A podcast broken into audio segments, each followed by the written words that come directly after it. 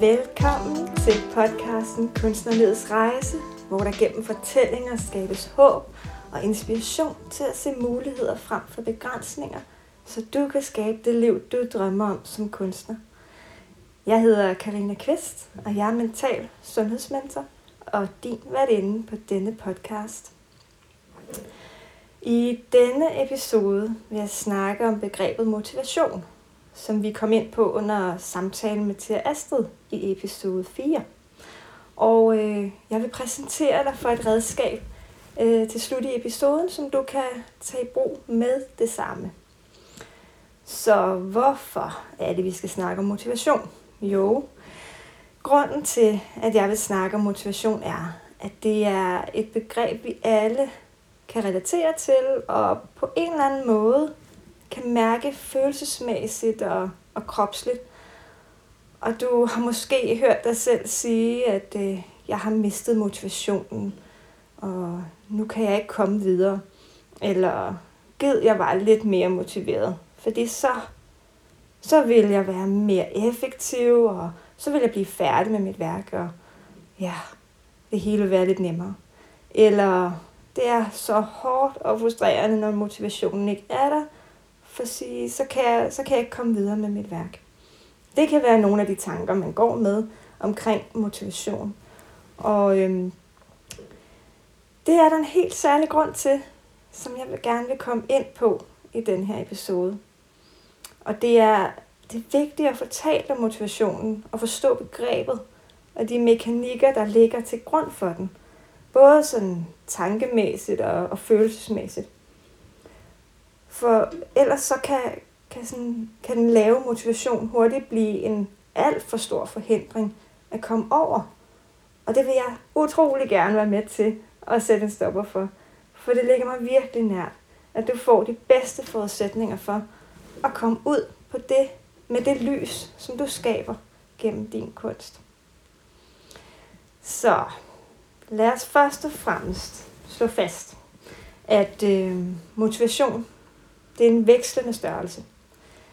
Det er ikke sådan, at du enten er motiveret eller ikke er motiveret. Og øhm, for at forstå begrebet motivation, så synes jeg, at det kan være gavnligt først at se på begrebet intention og begrebet ambivalens. Så det vil jeg tage dig igennem her. Lad os starte med intention intentionen med for eksempel din dag, eller en bestemt begivenhed, du skal til, eller intentionen med dit virke som kunstner sådan helt generelt. Det kan være, at du har en, en intention om, at det skal være sjovt at være kunstner. Eller det kan være, at din intention med at tage til en messe er, at du vil skabe gode vibes omkring dit brand eller image. Man kan på på en eller anden måde sige, at, at intentionen er et, et bevidst fokus for det, du står overfor.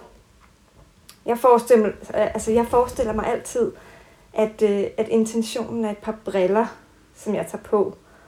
Og, øh, og så har jeg et utal af briller, jeg kan vælge imellem.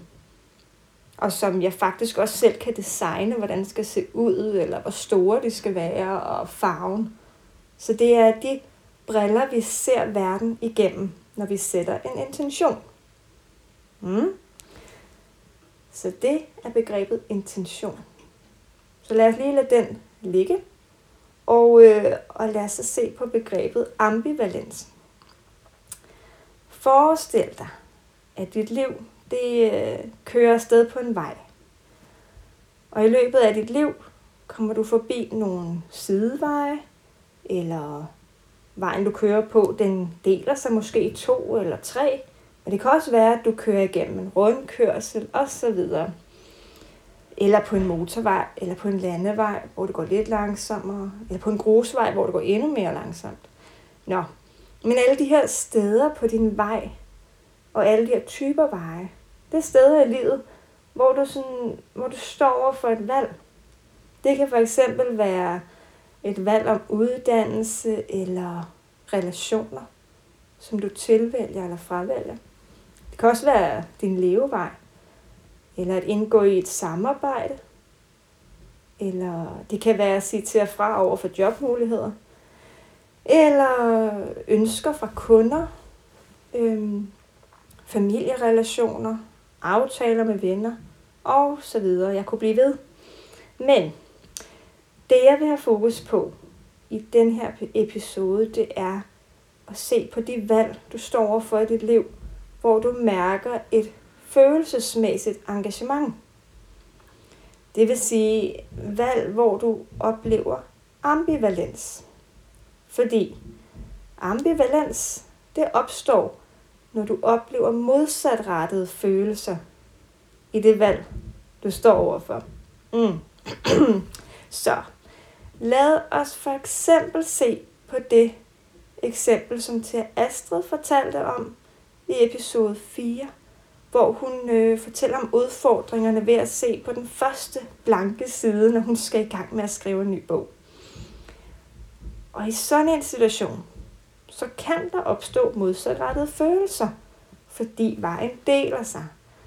Lad os forestille os, at den ene vej, den kører mod skabelsen af en ny bog, og den anden vej kører væk fra skabelsen af en ny bog, når, hun står, når man står sådan over for den her blanke side. Det kan jo altså ved første, ved første tanke sådan lyde lidt besynderligt, ikke? at der kan opstå ambivalens i sådan en situation. For man tænker jo først og fremmest, at selvfølgelig er det oplagt at vælge vejen, der kører mod skabelsen af en ny bog. Fordi det er jo der passionen ligger at skrive, når man er forfatter. Og der har vi den ene side af ambivalensen netop. Tankerne om, hvor dejligt og vidunderligt det er at se sin nyskabte bog og mærke suset og tilfredsstillelsen og stoltheden.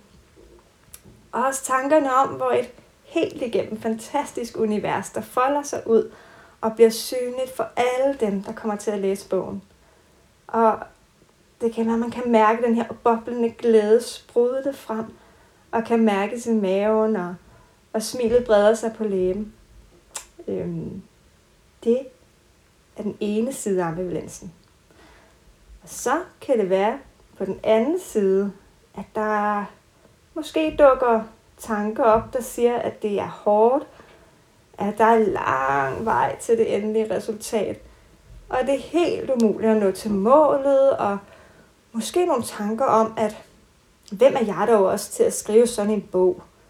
Og den blev aldrig færdig, for mine formuleringer skal sidde lige i skabet, og det kommer til at tage alle mine kræfter. Og så kan det give sådan nogle følelser som håbløshed og, og overvældelse og frygt.